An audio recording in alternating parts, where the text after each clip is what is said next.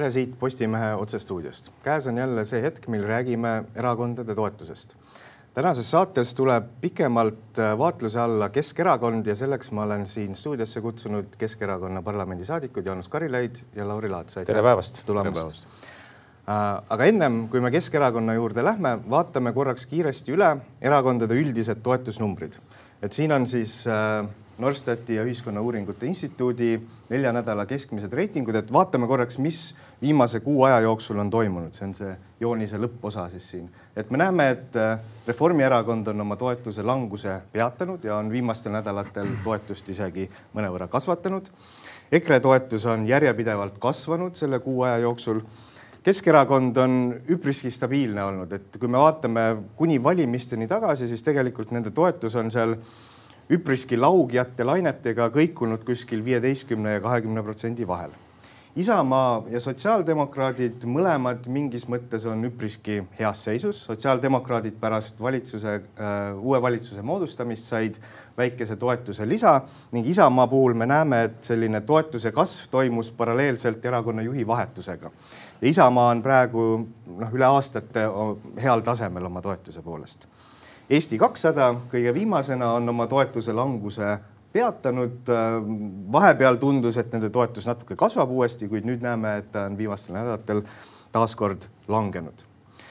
nüüd tegelikult ainus asi, mis, mis nende toetuste muutuste puhul siin viimase kuu aja jooksul või isegi viimase nädalate, viimaste nädalate jooksul on üllatav, on see, et Reformierakonna toetus ei ole võtnud suunda allapoole, et olukorras, kus äh, peaministri abikaasa, peaministri perekond teeb Venemaal äri või, või tema perekonnaga ütleme, et seotud äriringkonnad teevad Venemaal äri ja peaminister samal ajal räägib, kui moraalselt äh, taunitav selline tegevus on. noh, kuidas on võimalik see, et äh, erakonna toetus tervikuna ei ole langenud, kuidas te näete seda olukorda? no Jaan alustab või mina alustan? Lauri, alustab. no esiteks loomulikult see on, ma arvan, meie taas iseseisvunud Eesti kõige suurem skandaal. Et äh, kus selgelt äh, on ju äh, peaministri perekonnaliige seotud äriajamisega Venemaal. ja mitte ainult. me teame ka seda, et ka Kaja Kallas on ise ju andnud laenuna raha ja sealt ka saanud intressi, loodetavasti mitte ru rublades saanud tagasi seda intressi.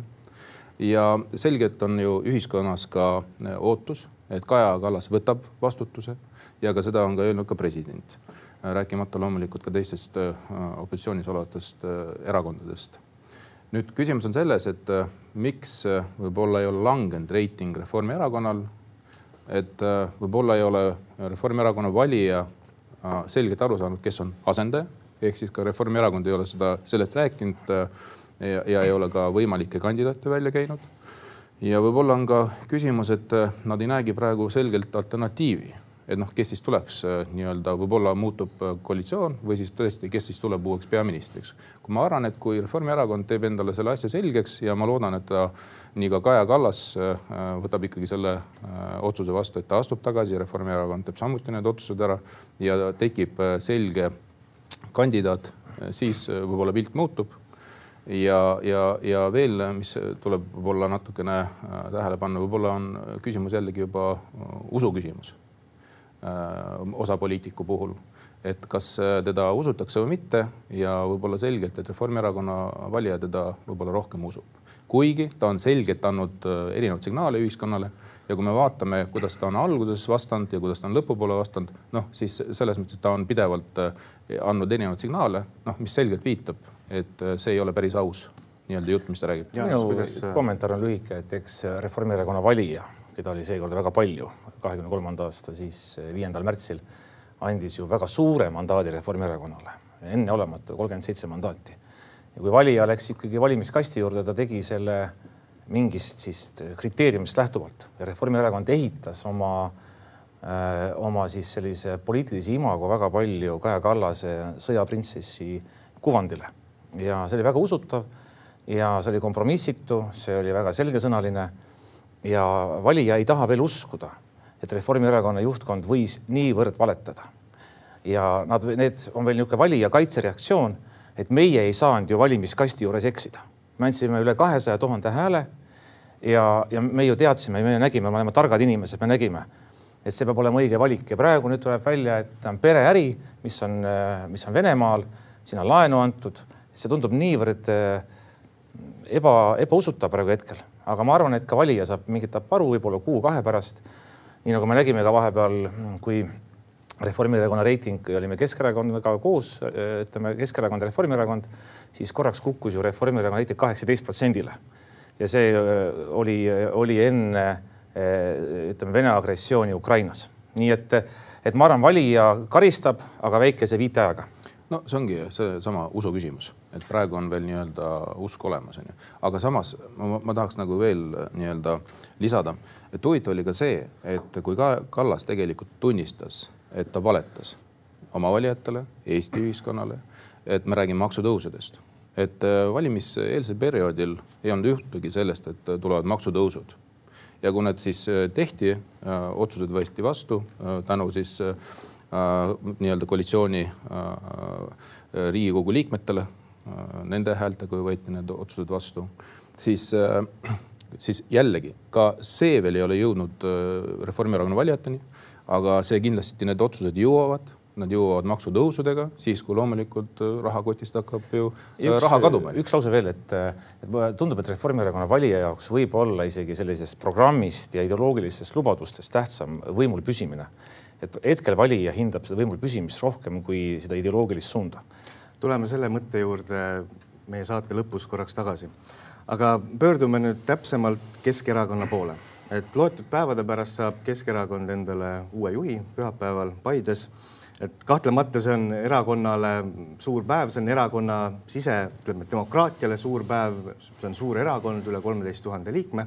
võib-olla te ütlete lühidalt, et kuidas see uue juhi valimise protseduur erakonna sees välja näeb, Jaanus? protseduur on tehniline pool, et meil on kakskümmend kuus piirkonda ja iga piirkonna juhatus äh, paneb paika oma delegaadid. ma tean kahekümne kuuest piirkonnast kõige demokraatlikum oli Valgamaa piirkond, kes siis lasi igal piirkonna juhatuse liikmel iga delegaadi läbi hääletada, et kas see inimene võib tulla delegaadiks või ei või, see oli hääletus, oli salajane hääletamine. nii et eh, on selliseid väga häid näiteid. Kuidas käis Mustamäel sõelumine, seda võib rääkida Lauri Laats lähemalt, kuidas delegaate valis. Aga iseenesest sõnastas selle valiku eilne Õhtuleht. et kas Keskerakond läheb Eesti teed või läheb Ruski Mirri teed. ja see on tegelikult väga eksistentsiaalne küsimus kui Narva piirkond otsustas ühehäälselt toetada Tanel Kiike, siis seal tegelikult äh, kohalikud tipp-Vene poliitikud ütlesid, et nemad tahavad, et Keskerakond oleks Eesti poliitika tipus edasi. Nad ei taha, et see muutub Tallinna äh, Vene erakonnaks. nii et äh, see valik, mis Paides me, me teeme, on erakonna jaoks kas siis võidelda edasi tulevikus selle eest, et olla suur rahvaerakond või muutuda väikeseks nišierakonnaks. Ja et noh, tõesti, et pühapäev on meil demokraatia pidupäev, meil tuleb kokku üle tuhande erakonnakaaslase ja, ja ma arvan, et me võiksime täiesti ka järgnevate kongresside puhul mõelda selle peale, et võiks isegi rohkem erakonna liikmeid olla. arvest-, võrreldes eelmise kongressiga, eelmise kongressiga me seda kvooti tõstsime. praeguses siis Paides juba osaleb kolmsada liiget rohkem kui eelmisel kongressil ja ma arvan, et me võiksime ka seda edaspidi kvooti tõsta Äh, ja ei, loomulikult Jaanus juba äh, andis ülevaate, et nii nagu meil äh, tehniliselt on paika pandud, et iga piirkond, et siis juhatus kinnitab ära delegaati nimekirja, vastavalt need delegaadid ka siis osalevad kongressil. nüüd, kui me räägime sellest, mida räägitakse väljaspool erakonda, et kas erakond muutub üheks või teiseks meelseks, noh, see kindlasti ajakirjandus teeb oma tööd, seda me ei pea kindlasti tegema erakonna sees. nüüd minu arust on väga hea näide sellest, et noh, Narva noh, seal on meil valdavad vene keelt kõnelevad inimesed ja erakonnakaaslased, kes esitasidki Tanel Kiige erakonna esimehe kandidaadiks ja, ja on olemas näiteks Võru. ma arvan, seal on enamus eestikeelseid meie erakonna liikmeid, kes esitasid Tanel või siis Mõlemad. Mihhail Kõlvarti ja võib-olla Tanel Kiige ka onju, aga ma tean, et ja mõlemad koos jah? Äh, pigem äh, on siis äh, Kõlvarti poolt, ehk siis ma kindlasti ei, ei ütleks, et meil on nagu nii-öelda üks kandidaat, keda pooldab vene kogukond või siis teine kandidaat, keda puhtalt pooldab Eesti kogukond, et meil sellist asja küll erakonnas ei ole. aga kahtlemata erakonnas on, ütleme, pingeid omajagu ja mingis mõttes erakond on veelahkmel. ja muidugi, erakonnas. erakond võib võtta väga palju sõltuvalt sellest, kes saab uueks juhiks äh, ja kuidas ta saab nende pingetega erakonnas hakkama, et kuidas te näete seda, et, kuidas erakond, kuidas Keskerakond hakkab maandama oma pingeid pärast seda kongressi ja kuidas toimitakse edasi ühtse erakonnana? pinged on väga suured ja me näeme, et tegelikult Tallinna linna struktuuri aparaati kasutatakse tegelikult väga agressiivselt erakonnasiseses võimuvõitluses. Neid praktilisi näiteid on liiga palju, saatajana liiga väike ja selleks, et sellest muidugi üle saada, on olemas ka omad poliitilised mehhanismid, et tulevikus sellist asja enam ei peaks nägema, kus tegelikult linnastruktuuriga äh, Äh, käib manipuleerimine, et saada kontrolli üle, üle MTÜ Eesti Keskerakond. nii et äh, kuidas need pinged maha saada, see sõltub väga palju muidugi tulemusest, mis Paide siis meile annab. õhtul kella, kella seitsmeks peaks olema valimistulemus teada. et äh, nii et selles mõttes ma arvan, et, et meil läheb hästi. ma loodan, et Tanel Kiik ja tema meeskond võidab aga igal juhul see õppetund, mis me saime selle erakonna siseheitluses, sisevõitluses, on väga karm ja, ja mina teen siin küll väga selged järeldused, kuidas erakonna juhatus peab tulevikus ka tegelikult oma, oma siis poliitilist ka järelevalvet tegema tugevamaks, sest me anname sadu tuhandeid eurosid ka Tallinna valimiskampaaniasse. Ja see ei saa olla niimoodi, et kui Ratas oli peaminister, siis me nägime, kuidas ka Tallinna linn, ka avalikus meedias me näeme, vastandus pidevalt tegelikult mm, erakonna siis poliitikaliinile, mida siis ka peaministri erakond tegi. Nii et ma arvan, kui me räägime erakonna reitingust, miks ta on seitseteist protsenti ja ei ole seal seitse-kaheksa protsenti kõrgem, ongi see, et me ei ole suutnud mm, seda ühtset löögirusikat kujundada ja sellel on omad põhjused ja ka omad lahendused, aga nendest lahendustest saame rääkida peale Paide kongressi ja ei noh, selles mõttes ma kindlasti ei teeks mingisugust raamat sellest, et erakonnad äh, vahetavad äh, erakonna esimehi või valivad neid. Äh, me oleme selgelt näinud, see on loomulik protsess, ei ole nüüd ju Eestis toimuv protsess, see on ju üle maailma, kus on nii-öelda demokraatlik režiim.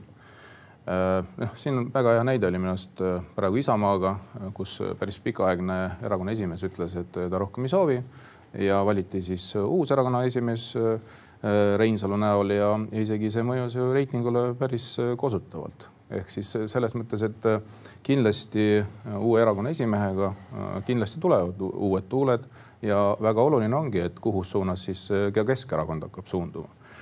Noh, kui me räägime kahest kandidaadist ja nende maailmavaatest, siis meil Jaanusega maailmavaatelist suurt erisust ei ole, et me kindlasti ei poolda samasooliste abielu. meil on väga suured kahtlused e-valimiste osas ja meil on kindlasti ka teisi kokku äh, neid punkte, milles me oleme äh, samal meelel. nüüd, kui me räägime siis äh, Tanelist, noh, ta on selgelt esindab rohkem liberaalseid vaateid. Me räägime sellest, et ta pooldab kooseluseadust, me räägime sellest, et tal ei ole kahtlusi e-valimiste osas. Ja minu arust need ongi kaks suunda. Et kui me vaatame siis, mida ka meie siis erakonna liige siis ootaks ja, ja mida ta tunneb Äh, ja meie valija, noh siis kindlasti äh, on, on see kaldu rohkem konservatiivses suunas. ja et üks kriteerium, mis on oluline erakonna esimehe puhul, kes on ka potentsiaalne peaministri kandidaat, on laitmatu maine. ja Tanel Kiigel on laitmatu maine.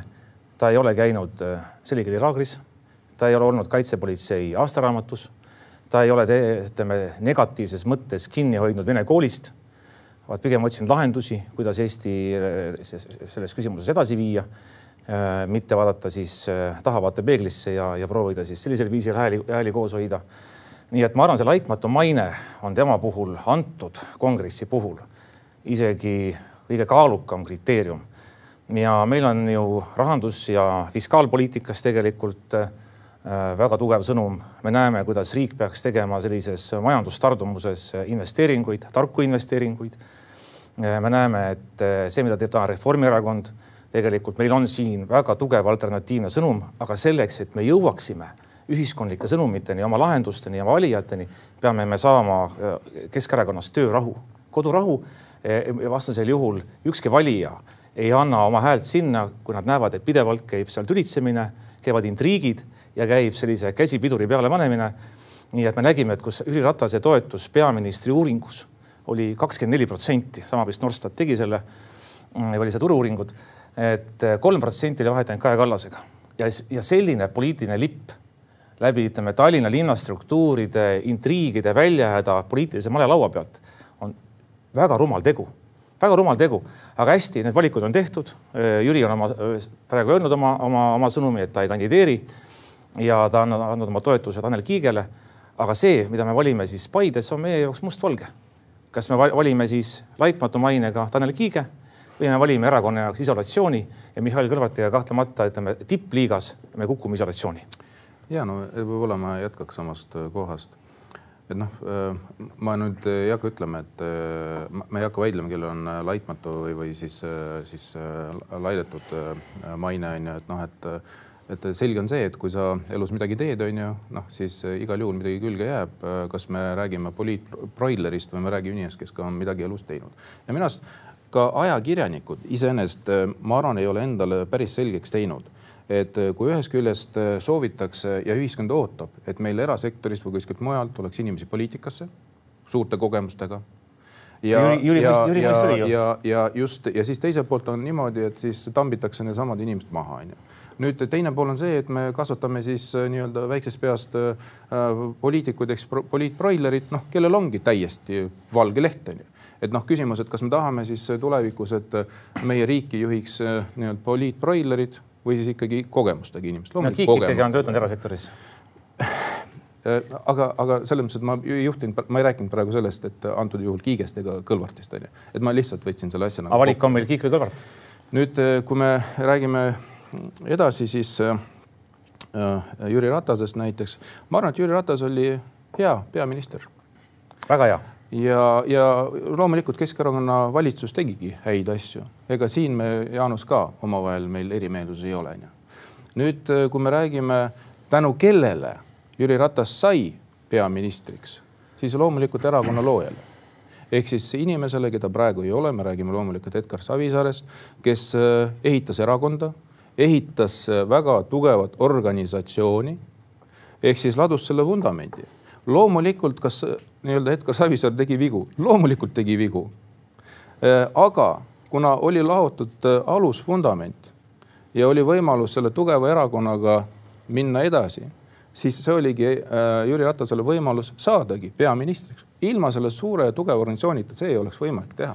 praegu keegi. võimalus seda tugevat ja uuesti organisatsiooni juhtida, üles ehitada ja mina arvan, et just tänu, tänu sellele, et me oleme sellises etapis kus me peame uuesti organisatsiooni üles ehitama, siis Kõlvartil on loomulikult selles osas rohkem kogemust. ja ma pean muidugi täiendama head kolleegi, et tegelikult ei piisa, ei piisa, ei piisa ainult Keskerakonnast, et olla peaminister, et peab olema väga suur usaldus ka meie parlamendis ja ta, ta ütleme ja Ratas näitas väga hästi, et tal on võimekus usaldust saada Isamaa erakonnaga, sotsiaaldemokraatidega Äh, Eesti Konservatiivse Rahvaerakonnaga, et parlamendis enamus saada, ei piisa ainult Keskerakonna delegaatide häältest.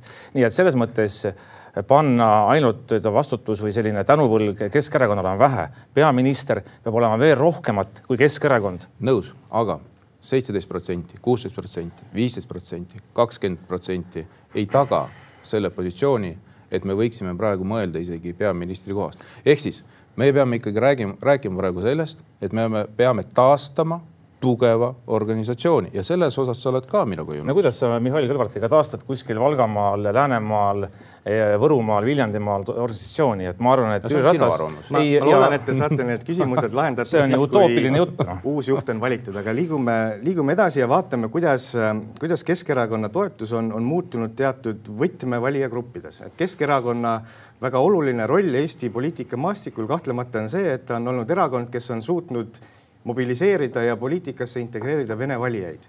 aga see on ka ühelt poolt nii tugevus kui ka teiselt poolt nõrkus, kuna see on ühtlasi tähendanud seda, et Keskerakond on, on pidanud adresseerima kahte väga erinevat valijagruppi ja kui me vaatame, kuidas Keskerakonna toetus eestlaste ja, ja muust rahvusest valijate seas on nüüd viimase nelja aasta jooksul muutunud, siis me näeme tegelikult äh, väga erinevaid dünaamikaid, et me näeme, et Eesti valijate hulgas Keskerakonna toetuse tipp oli kuskil seal koroonakriisi alguses, siis kui eriolukord hakkas, siis Eesti valijate seas Keskerakonna toetus oli tõusnud kahekümne protsendini.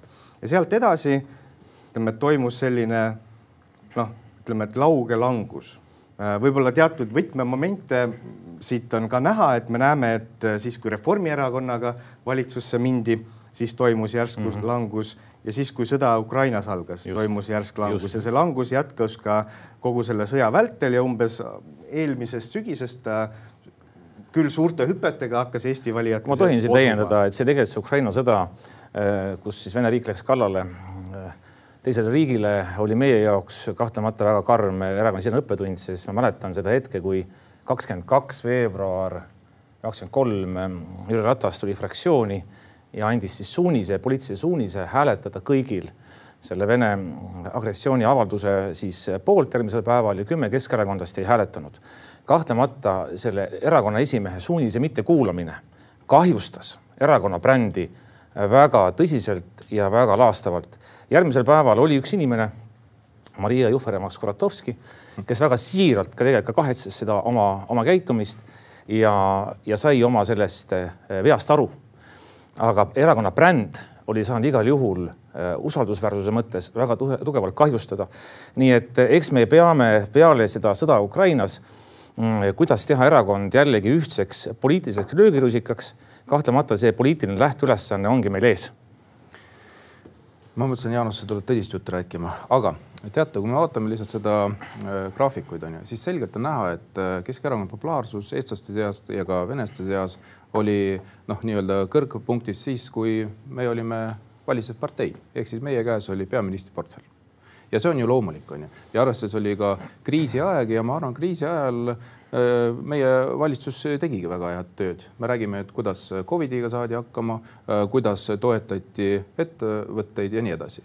nüüd, kui me räägime siis äh, sellest nii-öelda skandaalist, Porto Franco skandaalist, noh tänu millele siis erakonna esimees astus tagasi peaministri kohalt ja siis samal põhimõtteliselt õhtul äh, võeti siis äh, uus partner ette, aga siis teises rollis, et äh, Kaja Kallasel läks peaministri portfell, siis selgelt see meie valijale ei meeldinud. Ja see on näha ka siin graafikus. Ehk siis nii-öelda partnerid ikkagi nii-öelda üleöö ei vahetate ja, ja minu arust äh, meil ongi praegu, äh, miks üleüldiselt on toimunud langus, on see, et meie valijad täpselt ei saa aru, et keda me esindame ja siis mis vaateid me esindame. et ühel äh, nii-öelda päeval te teete EKRE-ga, teisel kohe siis Refiga, Reformierakonnaga. Te toetate siis samasoolist abielu või te ei toeta siis samasoolist abielu ja, ja neid küsimusi on tegelikult päris palju, mille osas me oleme väga-väga erinevaid signaale andnud ja seetõttu peabki olema ikkagi juht, kes nii-öelda konsulteerib need kõik mõtted ja ja, ja paneb ühte torusse. ehk siis äh, keegi ei vaidle selle üle, et meil erakonnas saavad olla erinevad arvamused, onju. aga mis signaali me anname väljapoole, see on midagi muud, onju. ja kui me nüüd vaatame ka edaspidi, mis siis juhtus äh,. ütleme, tänu ühele lugupeetud erakonnakaaslasele Riigikogus kes andis äh, äh, nii-öelda kõnepuldis üle ühe seaduseelnõu, mis rääkis siis äh, lastetoetuse tõusust Äh, ja millega siis mindi lõhkuma koalitsiooni Reformierakonna, ma räägin ühest lugupeetud erakonna äh, liikmest, parlamendi liikmest ka veel, äh, kolleegist. Ja, ja tänu sellele me saime ka kinga Kaja Kallase valitsusest. Ja see loomulikult jällegi on kajastatud siinsamas graafikutes. ja et ma, ma näengi, et tegelikult selline, et erakonna esimehe viisakat käitumist väga ei hinnata, et kui peaministri koha pealt tagasi astuti, siis sellega näidati väga kõrget poliitilist kultuuri, mida me ei näe Äh, Kaja Kallase puhul. ja, ja Jüri Ratasel oli võimalik jätkata peaministrina. hääled parlamendis olid olemas. ta võttis vastutuse, kuna tema juurde tulid siis nii kaitsepolitsei juht kui ka peaprokurör, kes siis näitasid äh, erakonna esimehele, mis on juhtumas, mis on toimunud. see tegelikult, see Porto Franco juhtum on eelkõige meil kaelas segaduse, ütleme segase linna juhtimise pärast, et ühe ettevõtja servituudi hinnatakse ühtemoodi, teisel teistmoodi ja selle linna segaduse Äh, ütleme siis äh, korraldamise pärast on erakond täna selles seisus, kus me peame tõestama läbi kohtu, et erakond pole midagi valesti seal teinud. see on omaette teema, aga ma tahan väita, ma tahan, ma ei sega sind, Lauri, ma ei seganud sind vahele, Lauri, et ma tahan väita seda, et Jüri Ratas näitas väga kõrget poliitilist kultuuri. ja, ja ma mäletan väga hästi, kuidas Kaja Kallas seda süüdistas äh, võimuahnuses, kümne küünega peaministri toolis kinni hoidmises. vastupidi ta näitas seda ja oli eeskujuks ja ma arvan, et oli natukene ühiskonna arengus mõnes mõttes neli-viis aastat eespool. ja, ja aga, aga ütleme ja, ja ka me hiljem näeme, et rahva ootus Jüri Ratase järele tegelikult oli ju väga kõrge. aga tänaseks on siis teie seltskond suutnud asja nii kaugele ajada, et ta on loobunud erakonna esimehe rollist. ma arvan, täna oleks kahtlemata meil olnud võimalus eh, ka, ka rünnata ka kohta valitsuses ja see jutt, et et erakond, kellel on kuusteist või kaheksateist või üheksateist kohta parlamendis, ei saa olla peaministri erakond. ma pean parandama sind, vaata ajalugu. ei pea alati olema mitte kõige rohkem mandaate, peab olema palju liitlasi ja, ja liitlaste olemasolu on tegelikult eduka erakonna edu võti mida mina nendelt joonistelt näen, on see, et ähm, erinevad partnerid on Keskerakonna toetust mingil määral erinevalt mõjutanud, eriti kui me vaatame erinevaid valijagruppe, et siin joonisel me näeme Keskerakonna toetust nooremate kui kuuekümne viie aastaste inimeste seas ja vanemate kui kuuekümne viie aastaste inimeste seas. ja siit vähemalt mina näen seda, et äh, selles vanemas valijagrupis, kus Keskerakonna toetus oli väga-väga kõrge, püsis ta kõrge kogu selle aja vältel, kui Keskerakond oli valitsuses EKRE ja Isamaaga. nii kui ta läks valitsusse Reformierakonnaga, hakkas see langema, ta langes siin noh, kuni veel selle ajani, kuni Kallase teine valitsus loodi natuke veel edasi ja alles siis hakkas tõusma. Ukraina sõja, sõda siin selles valijagrupis väga mõju ei omanud. kui me vaatame nooremaid valijaid või noh, noorem ehk siis alla kuuekümne viie aastaseid, siis seal see nagu madalpunkt tuli nii-öelda EKRE Isamaa koalitsiooni lõpus. Äh, Reformierakonnaga valitsemise ajal see toetus isegi selles grupis natuke kasvas, siis sõda omas siin väga suurt mõju ja pärast seda sõda selles valijagrupis noh, natuke toetus on kasvanud, aga mitte väga ja sarnast dünaamikat me näeme ka, kui me vaatame sissetulekuid, vaesemaid ja nii-öelda jõukamaid inimesi. et äh, kuidas nagu Keskerakond sellises olukorras hakkama saab? see tundub, et ta on nagu nokk kinni, saba lahti. ütleme, minu kommentaar on see, et me, ma võin, ütleme siis äh, öelda, et kõige rohkem poliitikaid me saime teha Isamaa ja sotsidega ja Isamaa ja EKRE-ga. kõige vähem saime poliitikat kujundada siis, kui me olime, aga me saime neid toetusmeetmeid teha ka kriisi ajal Reformierakonnaga. aga oli näha, et see poliitika mõju ulatus Reformierakonnaga oli meil siiski ikkagi noh, ütleme see, see leping, mis tehti, ei olnud, ei olnud piisavalt hea. ütleme, kui teha enesekriitikat, siis eelkõige sellega, et me oleks pidanud minema palju rammusama ja tugevama positsiooniga tegema lepingut Reformierakonnaga. küll meil õnnestus koostöö Isamaa ja EKRE-ga ja Isamaa ja sotsiaaldemokraatidega, nii et see on meie jaoks äh, õppetund ja ma arvan, et ega neid sihtrühmasid, kas noored, vanad või keskealised, et ega me, me peame kõnetama kogu ühiskonda ja ühiskond vaatab erakonda selle järgi, et mis on need lahendused, mida ta pakub välja erinevates siis, siis kriisides. ja me oleme muidugi näidanud, kui me olime peaministrierakond et me suutsime tegelikult töötada välja majandusabipakette, töötada välja regionaalpoliitilisi äh, meetmeid. me panime üle viiesaja äh, miljoni mitme aasta jooksul tervishoidu raha juurde. ja ma arvan, mis tegelikult Anneli Kiige üks trumpidest saabki olema, ongi see, et tal on väga hea ekspertiis tervishoiupoliitikas. ja kui me vaatame meie tervishoiupoliitika olukorda, siis igal juhul sellega peab tegelema juba, juba praegu, juba praegu. lihtsalt vaatab vastu tegelikult raha, suur rahapuudus no ja et noh, täpselt sama, mis ma ju ka rääkisin äh, alguses, et kui me olime peaministripartei on ju, noh siis meil reiting on üleval, sellepärast me saimegi häid asju teha ja kaasa arvatud ka ju erakorralise pensioni on ju.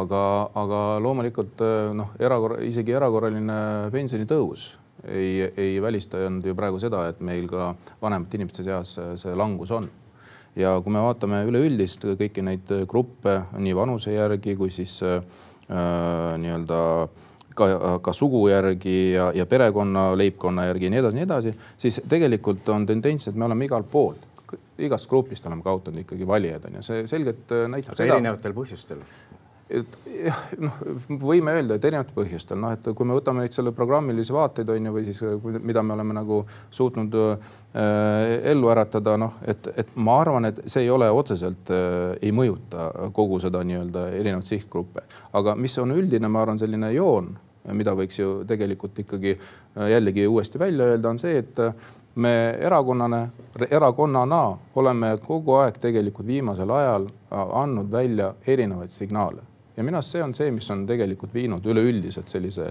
langustrendi. et selle me peame küll korda saama ja igal juhul Eesti vajab Keskerakonda, Eesti vajab tugevat Ütleme, Keskerakonda. ja, ja, ja, ja selle nimel me ka tööd teeme. nii Just. et ja ma arvan, et Jaanus, mida rohkem meil erakonnas on erinevate vaadetega inimesi, erinevate rahvusega inimesi, seda tugevam meie erakond on. Ja me oleme siiamaani ju suutnud erinevaid ühiskonnagruppe ka kokku võtta.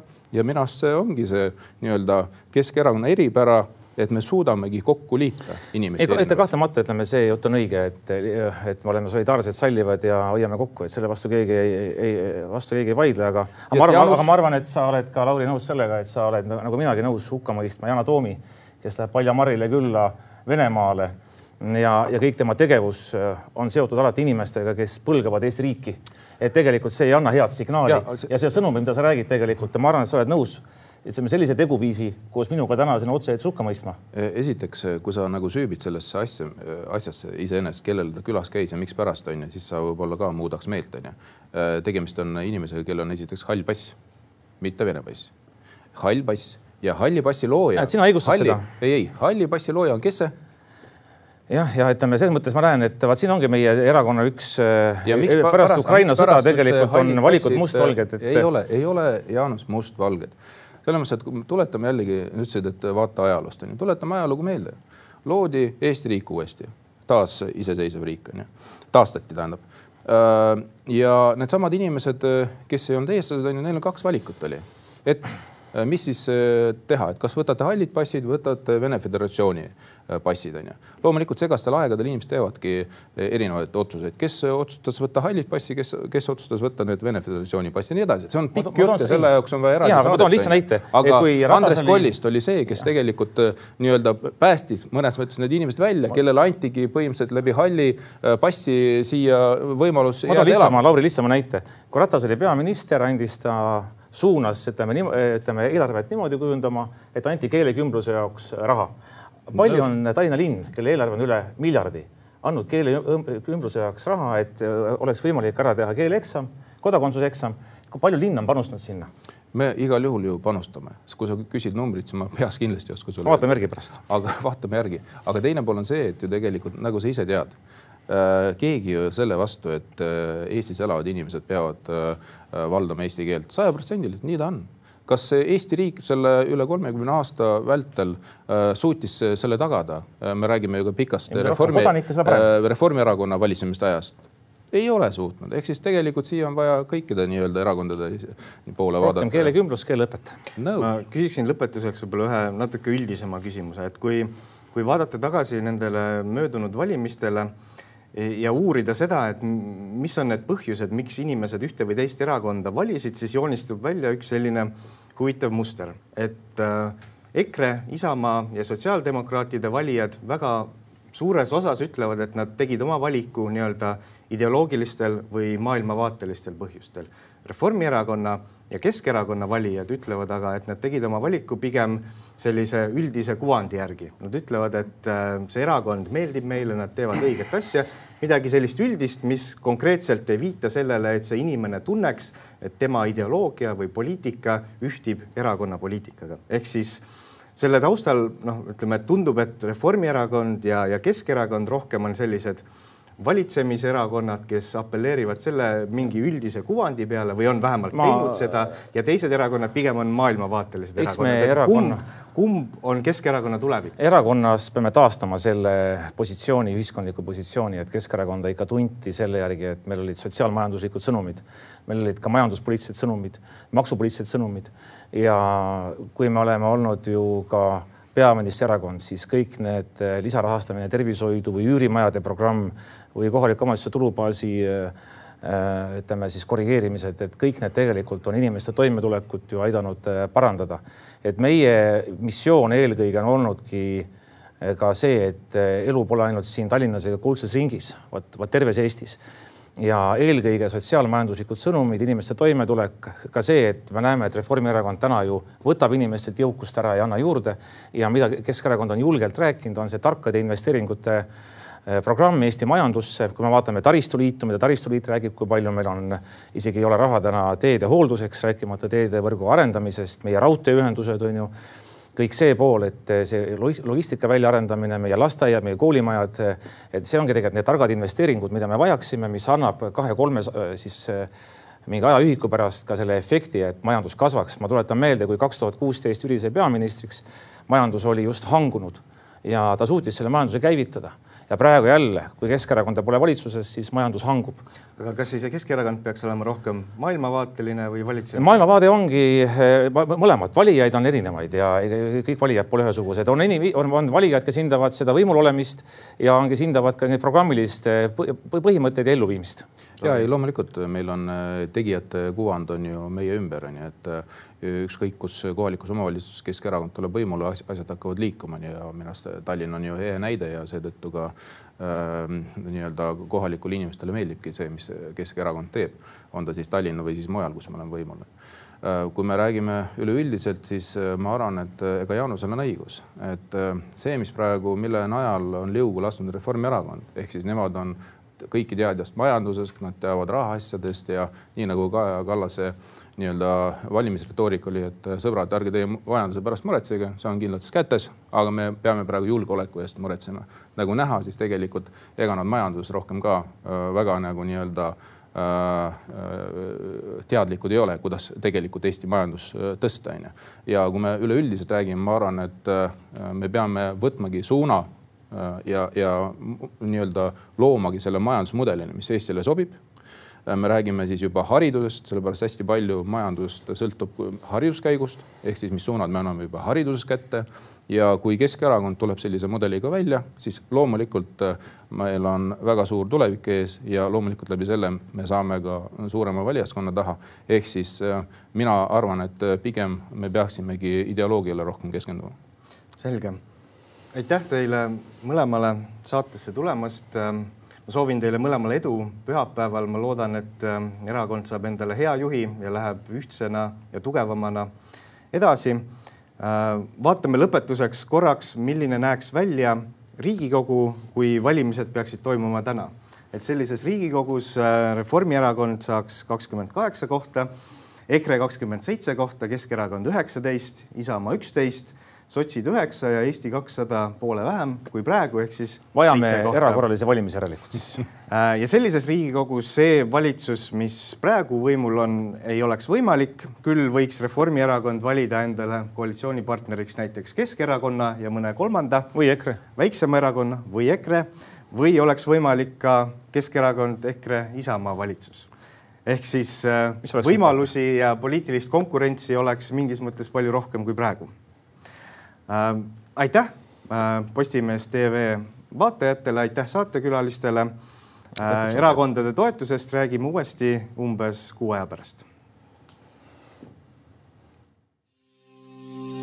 thank you